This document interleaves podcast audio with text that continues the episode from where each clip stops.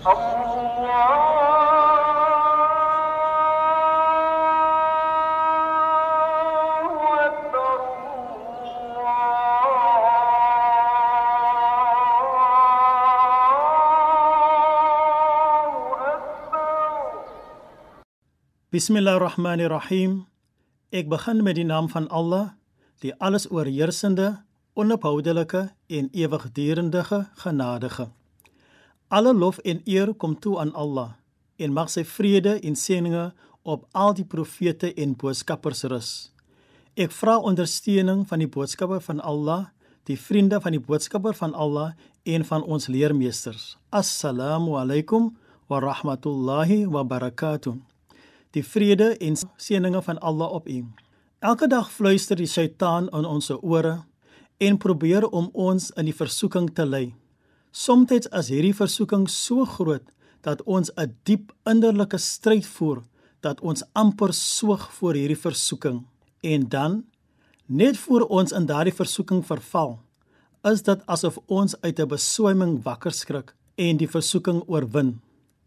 Allah Azza wa Jal sê in die Heilige Koran: Nadat hulle deur die fluisteringe van Satan versoek is, skrik hulle wakker en skielik kan hulle sien en waarneem.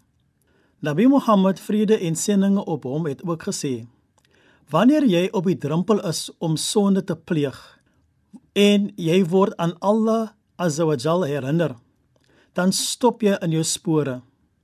Hierdie is natuurlik die beste gevalle scenario, maar tog Somstyds swoeg ons voor die versoeking en ons pleeg die sonde.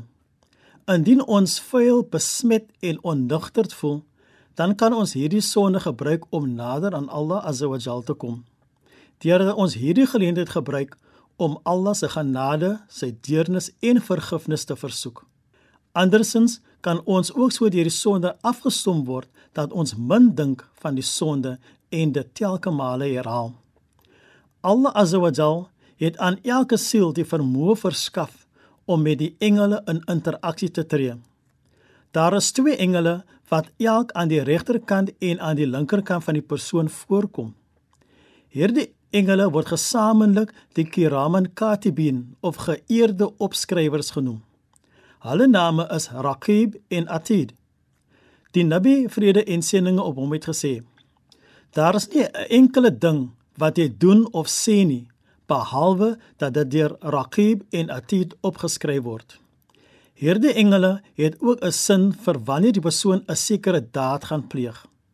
Wanneer die persoon die voorneme het om iets heilsaam en goed te doen, dan skei die persoon se wese 'n welriekende reuk af.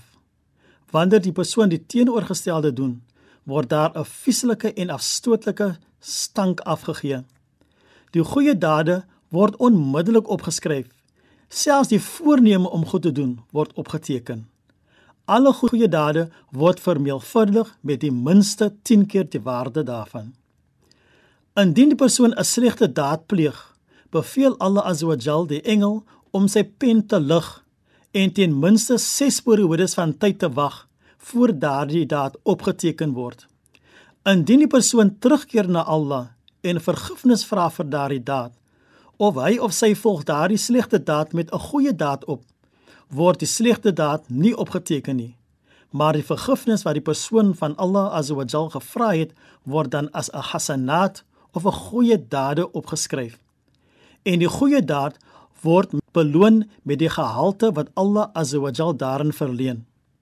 Indien die persoon nie in daardie periode terugkeer na Allah Azza nie, word slegs die waarde van daardie een slegte daad bereken. O Allah, Reken ons nie die sonde toe nie, maar laat ons gedurig na U terugkeer met 'n taubatan nasuga. Dit wil sê 'n opregte terugkeer na U. Ons vra dit met die seëninge, die goedheid en die geheimenisse van die Surah Al-Fatiha of die openingsverse van die Heilige Koran.